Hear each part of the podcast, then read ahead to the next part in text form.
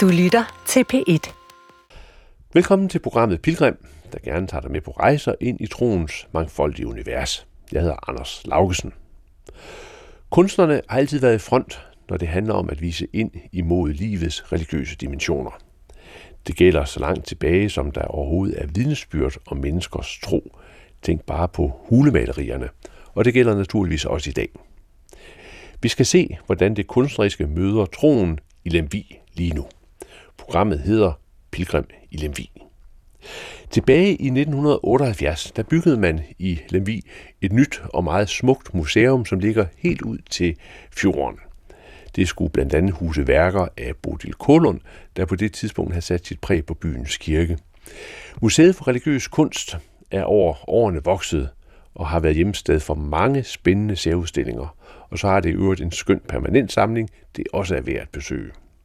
Lige nu der er udstillingen Vera Icon åbnet med 12 yngre kunstnere, som giver deres bud på mødet med det religiøse ind i de udstillede værker. Det er meget spændende, fordi der måske i de værker er en spejling af noget af det, som rører sig i det religiøse lige nu. Museumsdirektør Christine Løventoft viser rundt. Og derefter så skal vi fra Museet for Religiøs Kunst på besøg hos en af byens kunstnere. Det er den 91-årige lyriker og salmedigter Lars Busk Sørensen. Der er sikkert mange, som kender hans salmer, for han hører med til de nye salmedigtere, der har haft stor betydning for fornyelsen af vores salmetradition. Undervejs er der naturligvis salmer af Lars Busk Sørensen.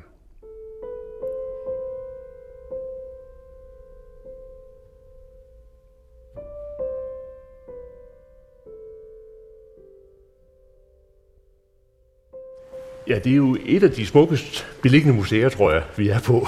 Vi ser direkte ud på, øh, på øh, fjorden her, øhm, og i øh, foreningen her hænger Peter Brandes skønne glasmosaikker og, og stråler. Og I har åbnet en ny udstilling. Hvad er det, vi skal ind og se?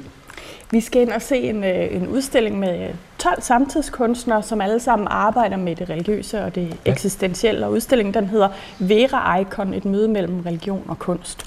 Spændende. Jamen lad os skynde os at komme ind. Øhm, I har jo forskellige sale her på museet, og nu går vi ind i det, som du kalder kirksalen. Ja. ja. Og det er fordi, det er Kirkefonden, der har øh, doneret pengene til opførelsen i sin ja. tid. Ja. Og så kommer vi ind øhm, hvor mange kunstnere er det, du har alt i alt? Vi har 12 kunstnere med, øh, og de er alle sammen under 50 år. Så det er altså den, de yngre generationer af samtidskunstnere. Og det var egentlig fordi, at der var sådan flere, der kontaktede os. Vi har jo hele tiden kunstnere, der kontakter og gerne vil udstille. Og der var sådan flere yngre, hvor jeg tænkte, den er, han er egentlig meget interessant, og hun er meget interessant. Og jeg havde dem lig, liggende i skuffen, og så var der også nogen, jeg, jeg opdagede. Og så, fik jeg, så tænkte jeg, okay, det kunne, være, det kunne være øh, ret interessant at prøve at lave sådan en fælles gruppeudstilling, hvor vi egentlig prøver at undersøge, hvordan arbejder de yngre kunstnere med museets krydsfelt mellem mm. religion og kunst kunst. Ja. Øh, så vi gik egentlig til emnet sådan meget nysgerrige for egentlig også at finde ud af, hvad foregår der egentlig derude, øh, og kunne dele det med vores publikum.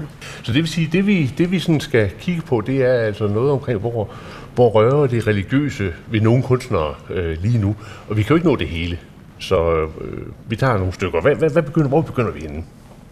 Jamen, øh, det man kan sige, det var, at vi gik til kunstnerne, og jeg havde en meget tæt dialog med dem alle sammen, så, så var jeg egentlig nysgerrig på at finde ud af, hvad er det egentlig, de er optaget af øh, i dag? Og, og blev selv, altså museet har selv lært rigtig meget at lave den her udstilling. Og nogle af de tendenser, vi kunne se, det var blandt andet, at der er en stor optagethed af, af kvinderollen ja. og af naturen. Mm. Så det, det er to temaer, som flere af kunstnerne på meget forskellig vis og gennem meget forskellige materialer øh, arbejder med. Mm. Så vi kan jo starte med at kigge på nogle af, af de eksempler på, på nogle af de kunstnere, der arbejder med, med kvindebilledet ja, ja, eller den ja. kvindelige gudinde. Ja. Og her har vi uh, Sif Itona Vesterbergs værk Fruitpicker. Og det er sådan en stor skulptur i gasbeton. Mm. Øh, og Fruitpicker, det er jo sådan frugtplukkeren. Og det med reference til, til Eva øh, i paradisets have, der jo ikke kan sig for at plukke det her æble, hvor efter at hun jo så øh, sammen med Adam bliver smidt ud af, mm. af paradisets have. Og Sif har lavet en skulptur, hvor Eva har rigtig mange arme, så hun kan plukke rigtig mange æbler. ja. Så øh, her er der altså ikke nogen negativitet i forhold til, at man ønsker kundskab, at kvinden ønsker kundskab. Det er egentlig noget, man sådan på en eller anden måde øh, øh, forherliger i denne her skulptur, hun har lavet. Og så har den også sådan nogle engle- eller flagermusevinger, mm. så det den er sådan lidt dobbelt, øh, ja. dobbelttydig. Ja, for jeg vil næsten sige, at de der vinger, man så ser, er jo sådan nogle, der, der øh, minder om nogle af de der dæmonvinger, man ser i middelalderens øh, kalkmalerier i, i danske, danske kirker. Sif er meget inspireret også af, af middelalderen, mm. øh, så det er helt rigtigt set. Og så, når man kan se skulpturen, den er lavet gasbeton, mm. og det er et industrielt materiale, men formsproget ligner næsten de her antikke græske mm. øh, skulpturer. Så hun ligner sådan en græsgudinde, men det er en Eva. Så mm. der kobler Sif både middelalder og den græske øh, antik og kristendommen, mm. og laver det her nye kvindebillede, eller ny kvindelig gud, ja, gudinde. Det, det, der så også er interessant, det er, at man kan se hendes ansigt det er jo sådan en, øh, det er jo ikke en svag kvinde, det er jo en stærk kvinde, der godt ved, hvor hun er på vej hen. Det er en kvinde, der, der står øh, selv. Det er, det er ikke den underdanige Eva, vi ser her. Nej, det er det nemlig ikke. Det er ikke en, en, kvinde, hvor det er negativt, at man ønsker visdom, mm. og man ønsker indsigt. Og det er også noget, at Sif siger, jamen det er jo en del af at være menneske. Vi vil altid prøve mm. at forandre verden. Og hvis man kigger ned på hendes ben, så adskiller hun sig fra de her antikke gudindestatuer fra Grækenland, fordi hun har robotben. så der får vi jo vi får også noget tidslighed ind. Der er både fortid og nutid, og måske også fremtid. Det her med, at mennesket er så meget blandet ind i, øh, ind i det teknologiske. Mm. Altså menneske og natur er blandet fuldstændig sammen, og teknologi og natur er blandet sammen, og måske det er det ikke en negativ ting. Mm. Måske skal vi finde ud af, hvordan skal vi være i verden, mm. fordi det er sådan, det er. Man kan ikke gå tilbage mm. til en eller anden paradisisk tilstand. Så man kan sige, det her er et eksempel på en på en måde afsøgning af en mytologisk kvinderolle, kan man sige, ny mytologisk kvinderolle. Skal vi prøve at se noget, der, der også går i samme retning, som har, har altså Ja, de der altså, altså Sif, Sif har jo fundet inspiration i antikkens kvinderoller mm. og blander det sammen med den, mm. øh, den kristne Eva og giver hende en styrke, ja. vil jeg sige. Og så har vi Birgitte Støvring øh, herover på den anden side. De her tre store malerier med meget stærke farver, og øhm, der har hun blandt andet lavet et, der hedder Jomfruen, mm. hvor vi ser en kvinde øh, med våben i hænderne, men med en Jomfru Maria ansigt, ja. som vi kender fra traditionel religiøs mm. kunst. Og hun står på en stor kat, der nærmest ligner sådan en leopard. Ja. Øhm, og der har hun hun har fundet inspiration i den nordiske mytologi, mm. i Freja, som hun også synes har noget styrke, som, kan, øh, som hun blander sammen med Jomfru Maria. Mm. Yeah. Så der ser vi faktisk lidt det samme, men på en helt anden mm. måde. Altså hvor at man, øh, man laver et, øh, et bud på mm. en, øh, en ny kvinde, gudinde, som, øh, som altså stadigvæk trækker på kristendommen, mm. men som giver hende den der kant, fordi vi som kvinder i dag jo både mm. skal være moderen og skal være det jomfruelige og mm. alt det her, som, som vi ligesom øh, kender, men også med denne her styrke, ja, som vi ja. jo også har brug for mm. øh, i dag. Og, og jeg vil jo så sige, øh, at ja, det er jo ikke sikkert, at kunstnerne har, har været så bevidst omkring det, men du kan også se nogle, øh, nogle træk fra det, man kalder altså durga-motivet i, øh, i indisk øh, ikonografi, hvor du har sådan den stærke, på en måde negative, kvindelige guddom stående. Øh, jeg vil ikke sige, hun forekommer negativt hende, kvinden Marie, med Maria-ansigtet deroppe, men på den anden side set, så, så har hun jo en bue i hånden, og hun har et svær, ikke? Og, altså noget bullshit her. Ja, altså det er, jeg, jeg tror både Sif og Birgitte, de vil gerne vise, at kvinden er øh, ikke bare øh, luderen eller mm. madonnaen. Altså at der er en eller anden form for fattigdom i kvindebilledet inden for ja. kristendom. Altså der er en kritik i de her billeder, men det er ikke bare en kritik. Man kommer med nogle nye mm. bud. Ja. Og det er det, jeg synes, at mange af kunstnerne gør i den her udstilling. De kritiserer ikke bare, mm. de kommer med nogle nye positive bud. Blandt andet også Alexander Torborg, vi har herover, mm. som arbejder også med, med kvinden. Han har lavet to Madonna-billeder. Ja. Altså Jomfru Maria mm. med barnet. Ja. Meget, meget klassisk. Det er øh, to malerier.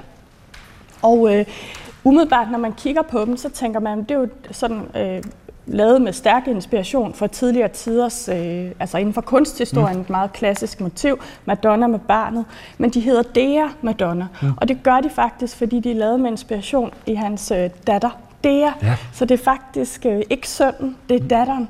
Så, så han går ind og laver mm. et, et ret øh, voldsomt nybrud ja. i, i vores fremstilling af, af, af Madonna, mm. der selvfølgelig taler ind i de her øh, tendenser, vi har i dag. Men igen, der er en kritik i billedet mm. af det øh, af patriarkatet og, og hele den dominans, som han synes, der er inden for kristendommen i forhold mm. til, til manderollen. Men samtidig kommer han med nogle nye positive bud, igen ligesom de andre. Så, så er det, du siger, at barnet, vi ser dernede, det er hans det er hans datter? Det er hans datter. Det, det er, altså det er en, en pige. En, det er en pige, der, der er født. Og der, der er værkerne jo også, der kan man se, at selvom at, at mange af de her værker jo øh, er sin kunsthistoriske tradition mm. bevidst, og den religiøse kunsttradition bevidst, så går de ind og, og laver en, en ny fortolkning. Mm. Og det er det, jeg synes, der er rigtig interessant med værkerne, ja. at de altså kommer med noget, vi kan bruge til ja. noget. Ja, lige præcis. Ja, han, øh, han har også lavet denne her, som øh, den, den ene Madonna, han har malet, har han malet på øh, en del af en kirkebænk. Mm. Øh, Alexander Torborg arbejder meget med materialet, og hvad er det for en rest, der er tilbage. Mm. Ja. Øh, I den her udstilling, der arbejder vi jo med Vera icon, og hele ideen er det, Vera betyder det sande, mm. og icon billede. Og hvis man kender historien om den hellige Veronika, mm. som Jesus mødte på sin vej til sin korsfæstelse, og han går jo og sveder, og han, han lider, og mm. han har ondt, og hun, hun giver ham efter fortællingen, øh, i hvert fald ifølge den, så får han et, et klæde af Veronika, og han tørrer sit ansigt, og det efterlader et, et aftryk, mm. som jo så bliver reproduceret af rigtig mange mm. kunstnere, mm. og vi har også øh, nogle billeder her på museet, blandt andet af Bodil Kålund, der mm. har malet øh, de her Vera Icon-motiver. Den, den første ikke er håndmalet ikon, som man siger i ikonografien. Og det er, jo, det er jo derfor, jeg synes, at det er interessant at kalde udstillingen Vera Icon, fordi det er ligesom der, man kan sige, at billede og religion møder mm. hinanden. Og, og det, man kan se på alle de her Vera Icon-malerier, vi har i vores samling, det er, at de de, øh, man ser ligesom, at det er et klæde, så man kan se, det er et billede af et billede. Mm. Det vil sige, det gør opmærksom på sin egen konstruktion. Det er mm. altså ikke øh, Jesus, man mm. rigtig har, har malet. Man har malet et, et aftryk eller et billede mm. af et billede. Ja, øh, så hele denne her Øh, så, så i virkeligheden er der nogle underliggende spørgsmål i udstillingen, der siger, jamen hvor ligger det religiøse egentlig mm. i religiøs kunst? Ja. Er der en rest af noget guddommeligt? Mm. Er det kunstnerens intention? Eller er det måske også som publikum, når vi står foran et værk, der får en eller anden mm. form for oplevelse? Hvor ligger det egentlig? Ja. Og det giver vi ikke noget svar på. Mm. Måske ligger det lidt forskellige mm. steder. Ja. Men for at vende tilbage til Torborg, mm. så bruger han en del af en kirkebænk Øh, han bruger simpelthen rosetten livshjulet, der ja. har været op der øh, øverst på kirkebænken, mm. som han skærer ud, og så har han malet på den ene side. Og han stiller også spørgsmålet, jamen øh, de her kirkebænke har jo haft en religiøs funktion i kirken. Mm. De har oplevet, at folk har siddet i sorg og i glæde. Hvad sker der med et kunstværk, når man trækker et materiale ind øh, på den måde mm. og, og, øh, og bruger det? Er der et eller andet mm. spor? Mm. Sidder der noget i, i Ja, i træet, og det er der flere kunstnerne, der, der arbejder med, mm. øh, har været inspireret af denne her øh, udstillingsidé. Skal vi prøve at bevæge os over i det andet øh, område, som, som også er et af, af de gennemgående temaer i de værker, du udstiller, nemlig altså naturen. Ja, gennem mine samtaler med, øh, med kunstnerne, så lagde jeg mærke til, at, og de vidste jo ikke, hvad de andre havde sagt, at der var rigtig mange, som var optaget af menneskets øh, relation til naturen, eller øh, den måde, vi er i verden på. Øh, en, øh, rigtig mange af kunstnerne har en ekstrem stor ydmyghed over for den måde, vi er over for naturen. Vi skal ikke bare herske. Det er ikke os, der skal underlægge os naturen. Vi skal, vi skal lære at leve i samklang med naturen. Og øh, det kan føre os helt videre til, hvordan arbejder man med de kunstneriske materialer. Mm. Fordi mange af de kunstneriske materi- materialer er jo i virkeligheden også på en eller anden måde natur. Mm. Altså at have en åbenhed over, hvad er det, der sker i den kunstneriske proces? Mm. Er der noget, der strømmer igennem en, som bliver skabt? Øh, og der har vi blandt andet øh, Anu, og Ramdas herover, ja. som, øh, som arbejder meget øh, meditativt. Hun har en øh, indisk baggrund, mm. og øh, en dag, da hun sad og mediterede, begyndte hun at græde, og, øh, og så fik hun ideen til at vide, hvad der sker, hvis jeg blander øh, grafit, som er sådan kulstofmateriale, med saltvand, altså mm. tårer. Hvad sker der så egentlig? Og hun arbejder meget med foto, øh, og der skete så nogle reaktioner, da hun får, får blandet de her ting. Og øh, de værker kalder hun kosmisk storm, fordi mm. de, de er sådan sorte med sådan noget hvidt abstrakt mønster, og det ligner faktisk sådan, hvordan hun ville forestille sig, det så ud, hvis hun svævede rundt ude i, øh, mm. i rummet. Så der ligger også sådan en, en, en tilgang til, hvordan man arbejder med materialerne, ja. øh, og være lidt åben for, hvad, hvad er det egentlig, der sker. Vi skal ikke kunne styre mm. øh, alting. Ligger der noget i det der med tårerne? Fordi det er jo egentlig en, en, en spændende øh, tanke, at, øh, at altså, jeg ved ikke om det tilfælde, men, men hvis tårerne var det skabende ind i værket, øh, de kosmiske tårer, der skaber det, det er jo da spændende tanke. Det har hun ikke nævnt, øhm, så det kan jeg ikke, øh, Nej, det kan men, jeg ikke sige om, hvad hun, hvad hun har tænkt. Men, men det er jo så også et, et af de der sjove eksempler, fordi det er jo derfor, man går på museer. Det er jo for, at man selv kan få lov til at, at projicere sine ting ind øh, i det, og, og bare det, du, du siger, saltvand og tårer og, og det her kosmos, så får jeg altså virkelig nogle, nogle vilde associationer med Gud, der, der, der, der også græder, da han skaber, eller hun skaber, eller hvad det er. Det, det der, nå, men det, det, det er jo lige præcis det, som, som, øh, som sådan et sted som det her skal kunne gøre, ikke? At man tænker, hvis vi går ind i en af de andre sale, ja. så har vi også et eksempel på en, der arbejder med naturen, og også arbejder meget bevidst med aftrykket. Mm. Og det er en kunstner, der hedder Julie Lenkholm. Ja. Og det kan vi lige gå ned og kigge på. Ja, lad os gøre det. Hvad, hvad er det sådan, der generelt sker i mødet imellem øh, altså mennesker, os, øh, der kommer på besøg, og så, og så sådan det, altså kunst, der er blevet betegnet som religiøs kunst. Jamen i virkeligheden så er det her med, med religiøs kunst jo, Øhm, altså der er mange, der spørger, jamen, hvad er religiøs kunst? Og der er rigtig mange, der har en idé om, hvad vi udstiller her på museet, og hvad vi ikke udstiller. Mm. Og, øh, og folk bliver jo altid næsten skuffet, når der ikke er alle, der tavler, men de bliver også øh, skuffet og holder sig væk, hvis de tror, der kun er alle, der tavler, mm. eller sådan, for, for at sige det. Øhm, men vi definerer det jo selv enormt bredt som kunst, der tager fat på livets store spørgsmål. Mm. Øhm, og det synes jeg også, at man kan se, når man går igennem denne her udstilling, at, øh, at det er øh, på meget forskellig vis, at, øh, at kunstneren mm. tager fat i det her øh, felt. Ja. Og i virkeligheden så er det jo en lille smule, altså det her Vera Icon, øh, tema, hvor kunsten møder religionen. Altså icon med, med det her billede, det er jo noget materielt, som man prøver øh, på en eller anden måde at materialisere eller, eller synliggøre det, vi mm. ikke kan gøre synligt. Øh, det er jo at gøre det usynlige synligt mm. og prøve at lave religiøs kunst, og det er jo virkelig lidt absurd. Øh, men, ja. der er jo nogle af de ting på spil, mm. og, og der er jo også øh, været perioder, hvor at man ikke har ment, man måtte mm. gøre det, ja, ja, og der er religioner, ja. hvor man ikke må det. Mm. Så der er jo en lang historik omkring øh, mm. det her, ja. og jeg tror aldrig, vi får sådan noget endegyldigt svar. Og vi er jo hele tiden på museet interesseret i at prøve at afspejle, jamen, hvad er det egentlig, der foregår lige nu, hvordan arbejder mm. kunstnerne med det her felt, Øh, men, men det er i hvert fald et eller andet med, at, at, at kunsten kan kalde noget frem, som ligger i et felt, der ikke er øh, sådan fuldstændig færdig konceptualiseret eller færdig defineret. Altså det, det er, ligger jo sådan det der øh, mellemfelt, hvor, hvor man kan sige, at sproget endnu ikke heldigvis slår til. Når nu er vi kommet ind til, til, til de værker, du, du, øh, du lige omtalte, det værk med, med Silke silkestoffet? Ja, altså Julie Lenkholm har lavet de her øh, tre øh, store stykker silkestof, som har været viklet rundt om nogle træer. Mm. Og de træer har så lavet et aftryk, mm. altså et, et slags abstrakt mønster, på de her øh, stykker silke. Mm.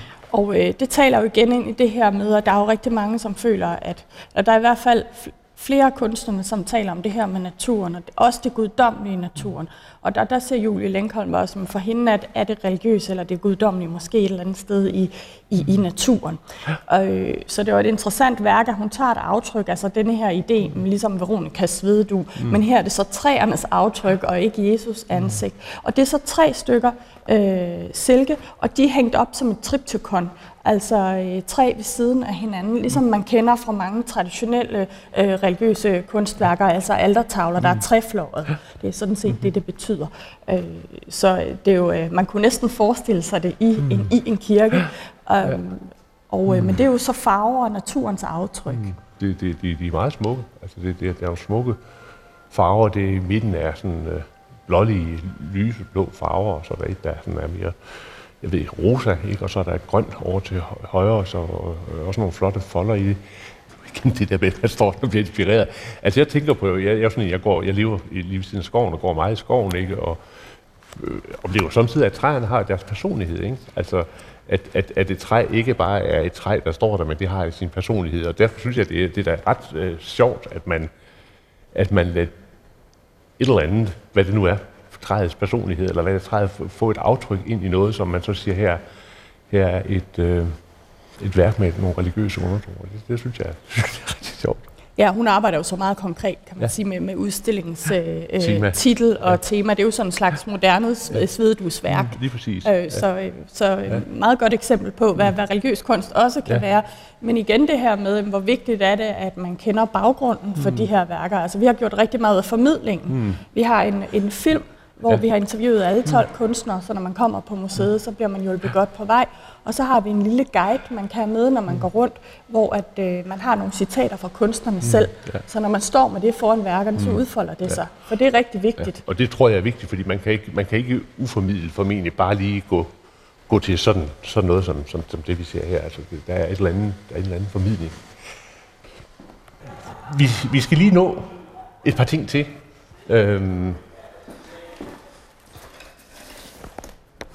Nu går vi ned i, øh, i kælderen, efterhånden som vi bevæger os frem, så tændes lyset for os, det er godt. Og så går vi ind i et øh, øh, rum her. Jeg forklarer lige, hvor, hvordan, øh, Jamen hernede i kælderen, der har vi øh, formidlingsvideoen med alle kunstnerne, men vi har også øh, nogle værker af en, en kunstner, der kommer fra, øh, fra Israel, men bor i. Danmark nu, der hedder Jenon Avior.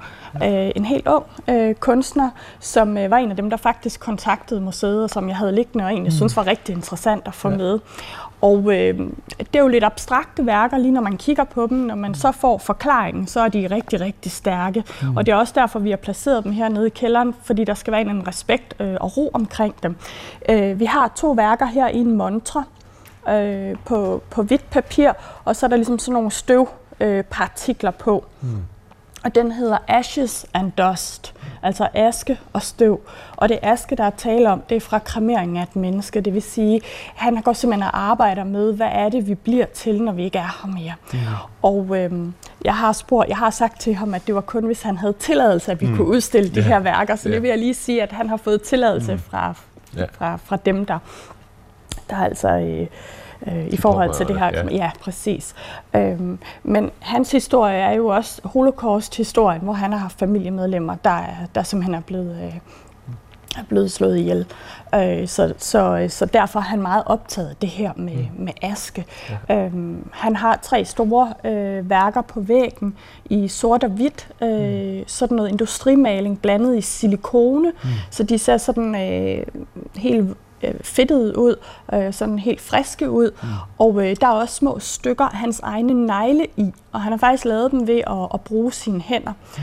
Og øh, der refererer han, øh, de hedder øh, døds, dødsmalerier, og der refererer han til den frustration, man må have følt, da man var lukket inde i, i, i gaskammeren og ikke kunne komme ud, og man har prøvet simpelthen øh, mm. med sine negle og sine hænder at prøve ja. at komme ud, og det kunne man jo ikke. Mm. Øh, så hele den der øh, dødskamp, øh, mm er på spil i de her værker, så de er jo øh, nogle, nogle ret stærke værker. Øhm, og øh, han har jo så øh, hele den, den, den jødiske baggrund, øh, mm. hvor man faktisk dækker billeder over, når nogen er døde. Mm. Så dækker man billeder og spejle over øh, i de hjem, hvor man er. Så det her med billedet og øh, billedets magt og kunsten mm. og den mm. religiøse kunst, det er jo også noget, som, øh, som man arbejder med på en anden måde inden mm. for, inden for jødedommen, for eksempel. Ja når man står her, så, så, så igen, altså, hvad rejser det så af spørgsmål? Ja, for mig rejser det jo så spørgsmål, er, er Gud her?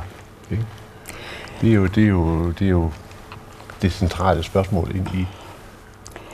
Ja, og det, øh, det arbejder han også rigtig meget med på en uh, lidt humoristisk måde, fordi mm. det sidste værk, han har med, det er en god rengøringshandske, som ja. er klippet op, sådan at fingerspidserne lige når hinanden, og så er den hængt op på væggen, så det ligner to hænder, der ligesom møder hinanden. Mm. Og uh, med, det, med det værk, der stiller han spørgsmålet, er det Gud, der har skabt mennesket, eller er det mennesket, der har skabt Gud? Mm. Og der er han inspireret af maleriet Det Sixtinske Kapel, ja. og jeg synes jo, det er, det er et rigtig, rigtig mm. sjovt, men også et meget, meget stærkt værk, mm. som lige præcis stiller ja. det spørgsmål, ja. men med lidt humor, mm. øh, som jo er helt, øh, helt grundlæggende mm. i forhold til, øh, til religion. Ja, ja, lige præcis. Men, men også altså, i, i den her kontekst, øh, øh altså værket i Sixtinske kapel er jo, er jo dommen. Det er jo fra, det er jo fra, det er jo fra domsscenen, ikke? Altså, men en sjov hvor, måde hvor, hvor, at igen hvor, referere til nogle kunsthistoriske mm. referencer, men mm. de går ind og, og fornyer ja, det ja, øh, på en, øh, på en, på en mm. sjov, men stadigvæk en enormt mm. stærk måde. Jeg synes, ja, det er altså, godt tænkt. Altså, altså, jeg synes ikke, det er sjovt. Det må jeg bare sige. Jeg, jeg synes slet ikke, det er sjovt. Jeg synes, men jeg synes, det er godt.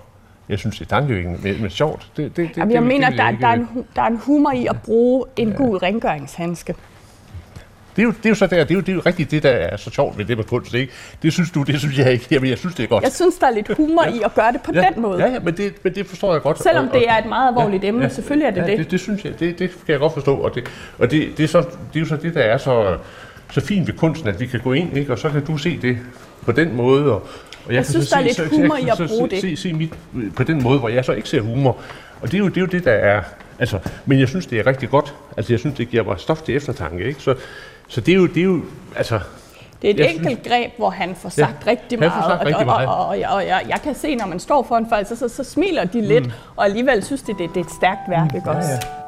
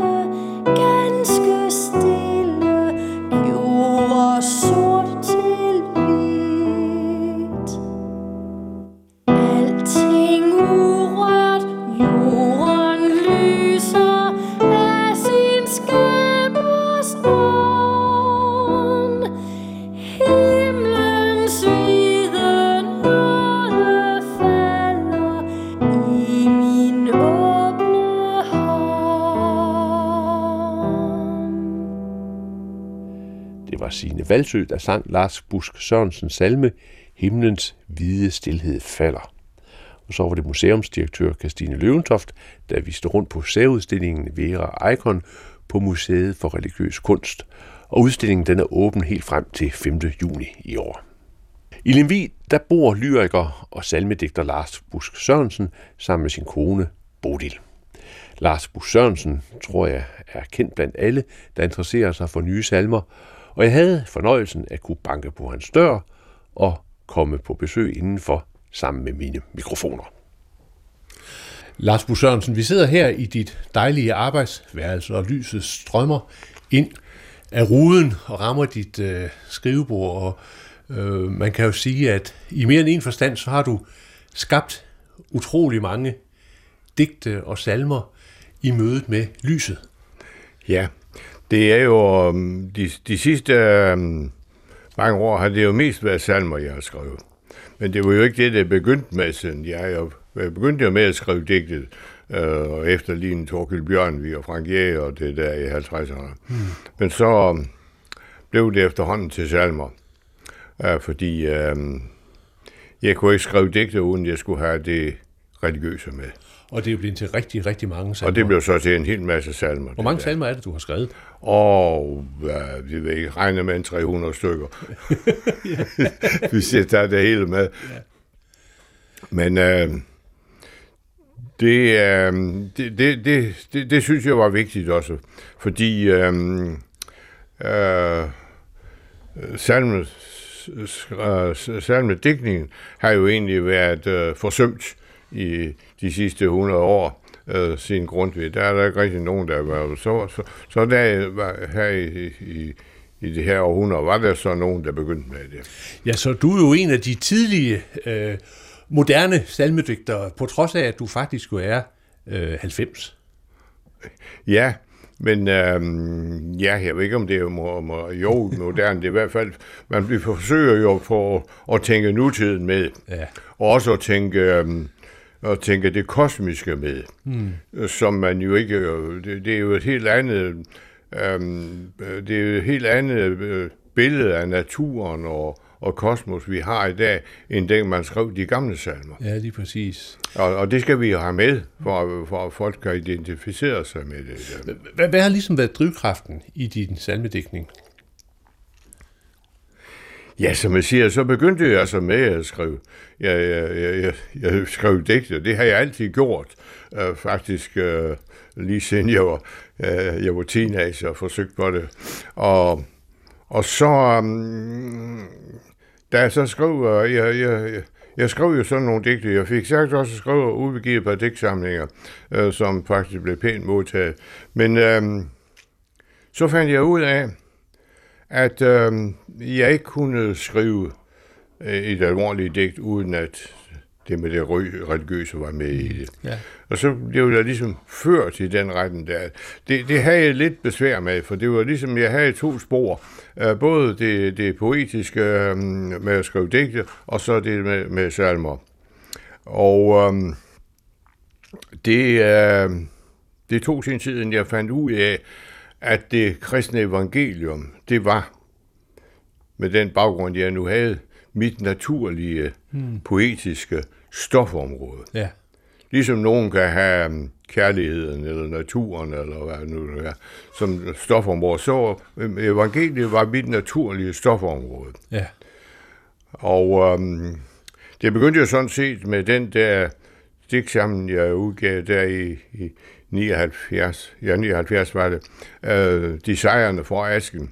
Der var sådan nogle, nogle samfundskritiske digte og sådan noget. Mm. Og, det, det sluttede så med et langt digte, som jeg kalder Balladen om menneskesønnen. Ja.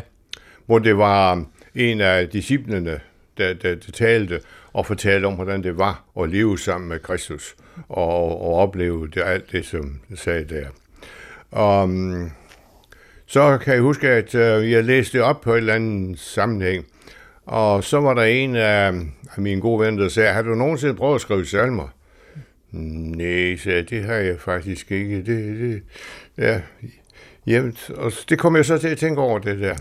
Ja. Og så det samme år, i 79, så, um, så skrev jeg et digt, og så jeg tænkte, det, det, det, det kan vist godt være en salme, mm. det der. Og, øhm, og så snakker jeg med Bodil om, det synes hun også godt, det kunne være en salme. Og øhm, det var den, der havde mennesket i en magt. Ja.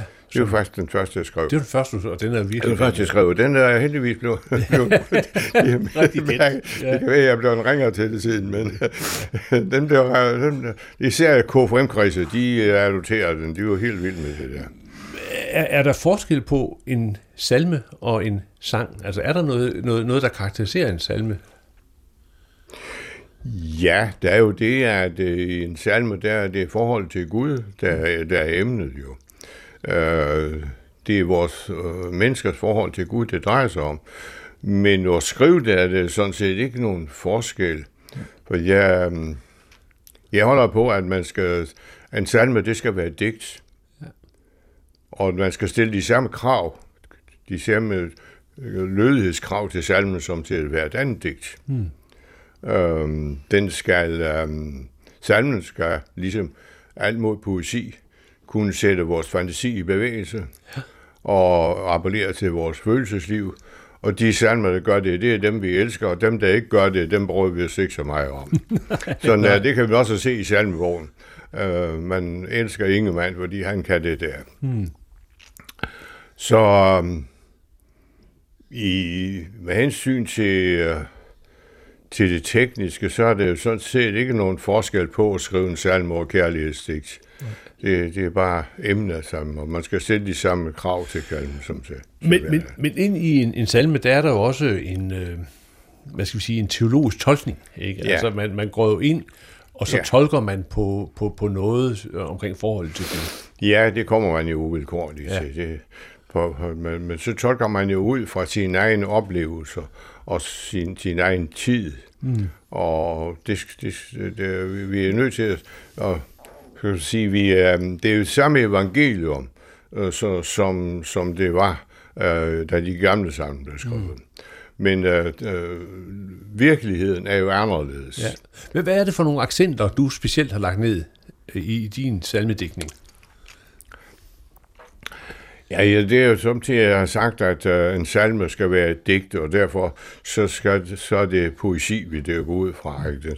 Salmen skal være poesi. Ja ligesom uh, alle mulige andre digte. Og hvis ikke er det, så tager vi den ikke rigtig til os. Så det, gæld, det, det gælder om som øhm, salmedigter, det er faktisk at få evangeliet og poesien til at indgå i et intimt fællesskab. Mm. Ja. Og det kan være lidt svært, for poesien vil sådan set ikke tjene. Nej. Den i sig selv, den vil faktisk være sig selv.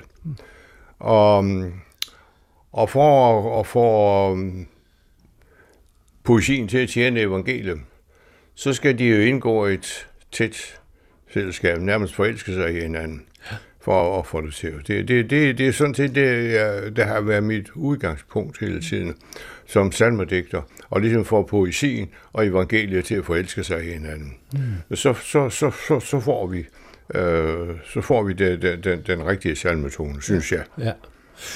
Betyder det så, at der er nogle ting i øh, den traditionelle forståelse af evangeliet, som det er vanskeligt at, at, at skrive om? Her tænker jeg for eksempel sådan noget som øh, øh, Jesu korsdød og forsoning og, og sådan mm. nogle, nogle, nogle, nogle, nogle emner, eller øh, er poesiens forelskelse i evangeliet sådan set øh, ja. ja, frit, der er jo? Der er jo nogle af de der teologiske øh, konstruktioner, som jeg ikke sådan bryder mig så meget om. Altså, den traditionelle forsoningslære, den, den har jeg lidt svært med. Og det har jeg også lidt svært med den der øh, med arvesønnen og de der ting. Det, det, det, det, det, er, det, det, hænger, det, det, det passer ikke rigtig ind i min tankegang. Men øh, det...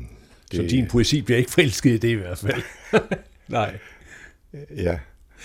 Men, men, men, men, men så har du jo en, øh, en øh, evne til at tage blandt andet naturen tæt ind til dig. Jo, det, det er rigtigt. Det, øh, naturoplevelse betyder meget for mig. Nu er jeg jo opvokset på landet og er vant til at leve i naturen der. Det er ikke bare sådan noget, vi har om søndagen, men det, det, jeg har jo gået efter ploven ude på markerne og sådan noget. Så det, det, det har jeg jo et team forhold til. Så um, ja, øh, jeg, jeg, jeg vil meget gerne have naturbilleder med i salmen. Ja. Og det er det nok i de allerfleste af dem, tror jeg. Mm. Især for eksempel den der efterårssalme, nu står der skum fra bølgetop. Ja. Den har der, der, der, der får jeg jo så naturen og evangeliet til at, at sådan klinge sammen, synes jeg selv.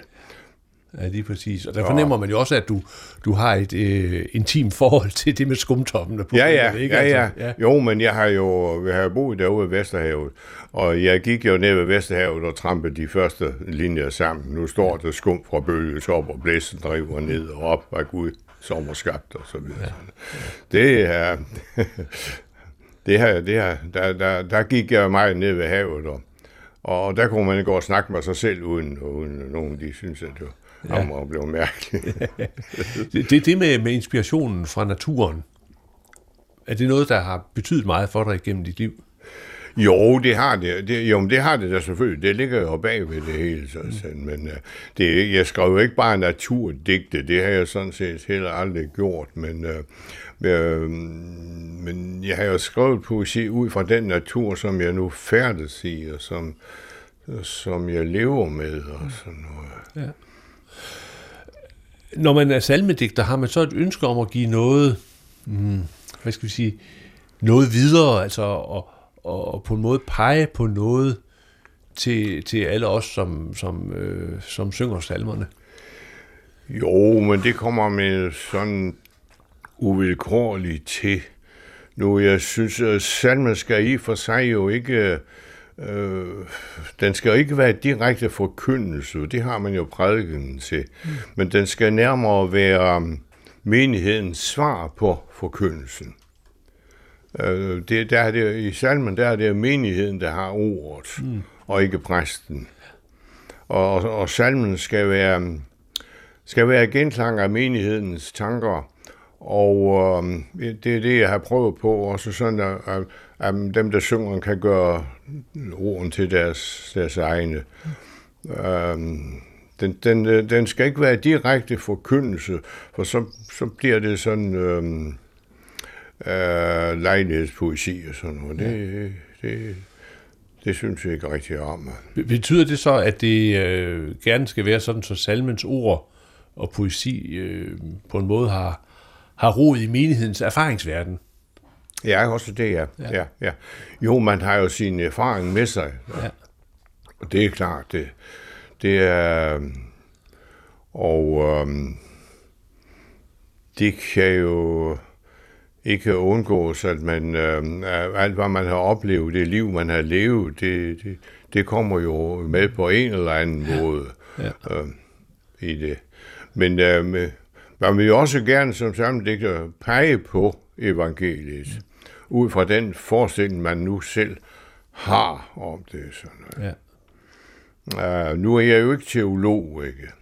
Og um, så jeg er ikke så vild med at bruge sådan teologiske formler og, og for, for, for formuleringer. Sådan. Det, det, det, det, det undgår jeg helst. Det, det, det, det, skal være, det skal være almindeligt sprog, og så øh, meget gerne nær hverdagen, men alligevel løftet op i en højere, i en højere sfære på en eller anden måde.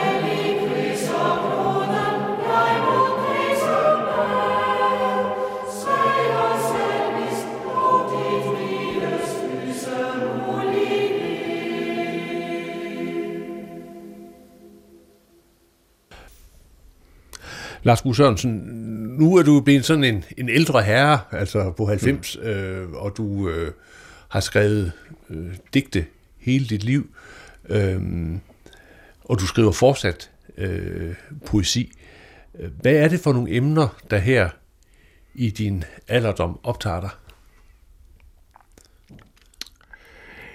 Ja, der er jo også kommet det ind i det med øh, forhold til, til, til miljøet. Og det tænkte jeg ikke over, da jeg skrev de første salmer. Mm. Der var vi slet ikke kommet frem til det der med, øh, at vi, vi tænkte på, at vi ødelægger det, vores miljø for os selv. Mm. Men det blev meget øh, vigtigt for mig. De sidste, øh, de sidste mange salmer, jeg har skrevet, der kommer det også med Ja. på en eller anden måde. Øh, mere eller mindre tydeligt, men øh, øh, det er det. Øh, Der har jeg jo den, den udvikling, jeg har været i, det, det, det er sådan set den samme, som hele samfundet har været med i. Altså, ja. øh, altså, vi er begyndt opmærksom på, og, hvordan vi, vi ødelægger øh, til, tilværelsen for os selv. Hvordan ser du på, øh, på samtiden, og sådan på, for så vidt også på fremtiden i, i forhold til det? Jeg er ret bekymret. Jeg er meget bekymret for, hvordan det går. Ja. Og jeg har det samtidig har jeg lidt svært ved at være optimist.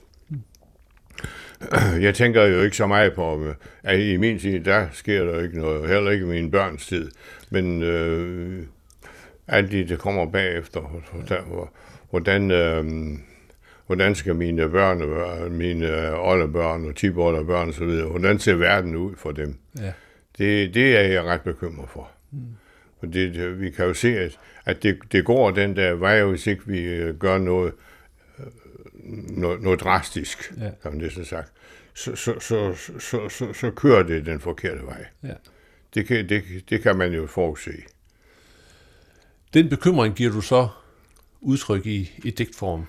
Ja, ja, for, for en, det var jo tre år siden, tror jeg. det. Jeg begyndte at skrive nogle små digte, hvor um, jeg nedfældede min bekymring for miljøet på en eller anden måde. Og mm, ja, på en måde så brød mig egentlig ikke om at skrive sådan nogle digte, jeg, jeg, jeg, jeg, var næsten nødt til at formulere det for mig selv. Og, og det blev så efterhånden til ret mange sådan mm, en række digte. En hel digtkreds blev det til med de der, de der ting. Hvor der både taler om, hvor, hvor meget vi har elsket den her jord, og, og hvor, hvor udsat vi er, og, og, og så videre. Ja. Tankerne om de der, om de, de der miljøforhold, som vi jo snakker om alle sammen.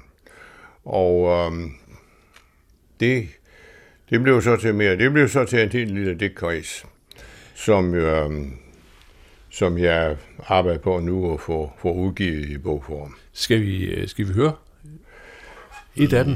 Ja, det kan vi godt.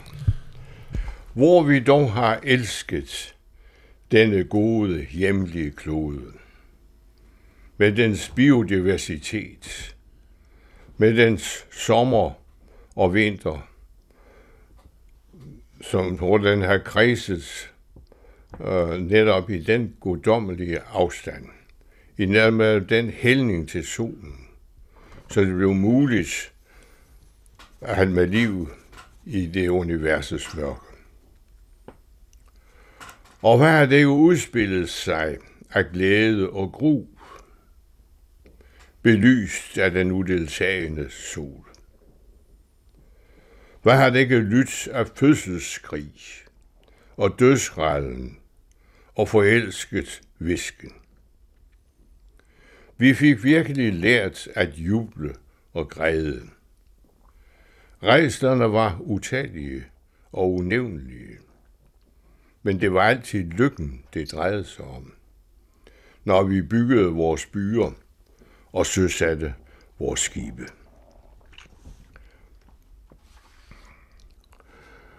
Det er, er sådan øh, et digt om, hvor, hvor, hvor jorden, jorden har været, og hvordan vi har elsket den jord. Men så kommer vi også frem til, at vores bekymring for det. Og øhm, det er sådan set måske det, der fylder mest i, i, i digtsamlingen, min bekymring for det. Øh, og det er det med at tænke tanken til ende. Ja. Jeg tør nok ikke tænke tanken helt til ende.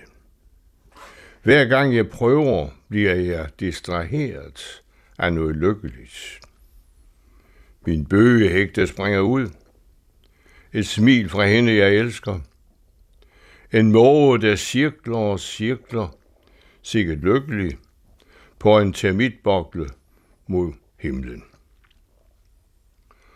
For hvem kan udholde den tanke, at jorden, som har udviklet og næret denne mangfoldighed af livet, skal miste det alt sammen, og på grund af mig. Alt for smerteligt at tænke på. At den jord, som gav os livet, og vi har leget og elsket og skabt, hvor vi under af teknik og poesi, skal ende som en ganske almindelig stjerne i universet. Gold som alle de andre, der bare stråler af ingenting. Og jeg vil også godt øh, læse Øh, et digt, som er måske det mest alvorlige her i, hvor jeg taler, tænker på perspektivet i, hvad der kan ske for os her på jorden. Det jeg frygter mest er ikke oversvømmelserne, eller temperaturstigningen, eller ørkenerne, der breder sig, eller tyfonerne, der udsletter vores byer. Det jeg frygter mest er ansigterne. Øjnene hos de mennesker, der, har grebet, der er grebet af den angst, som udsletter et hvert spor af kultur. Deres vanvid fører dem af sindets mørke veje, til uhørte handlinger mod hinanden, til ritualer, der hellige det, ingen tør tænke på, og til en dødsdrift, der ikke har været kendt på jorden før. Jeg er mest bange for alle de der, hvad mennesker kan finde på, når man bliver øh, trykket på den måde der, når man ser afgrunden foran sig. Hvor mennesker øh, føler, at de, øh, at de står med ryggen mod muren, og hvad det kan opstå i, i vores øh, kultur af ja, flygtningeskare, som vi har spurgt lige på, men det kan blive helt muligt anderledes, og af krige, der kan opstå omkring ressourcerne, hvis de bliver, hvis de bliver små for os. Mm. Det, det synes jeg, det, det er det, det værste perspektiv.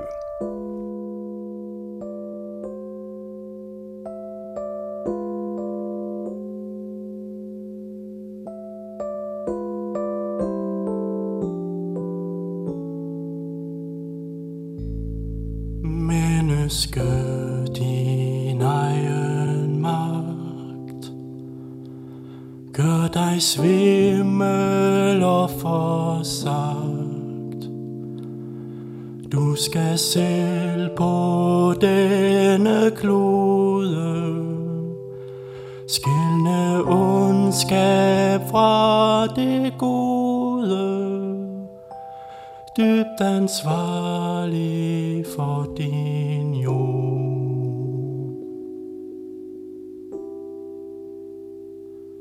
Du skal bringe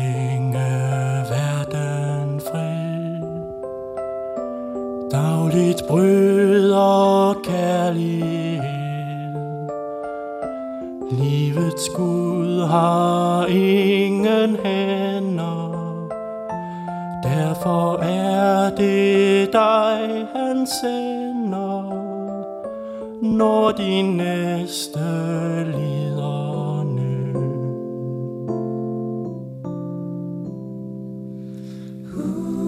skal være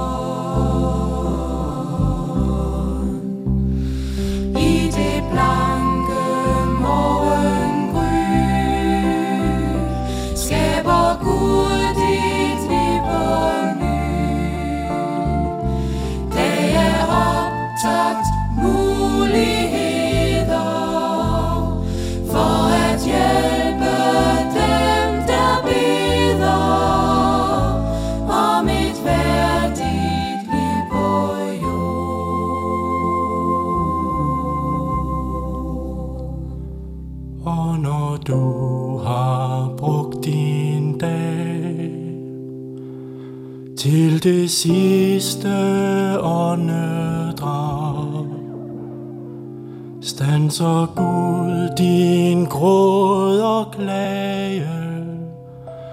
Tag en misbrugt dag tilbage, nådig glemt i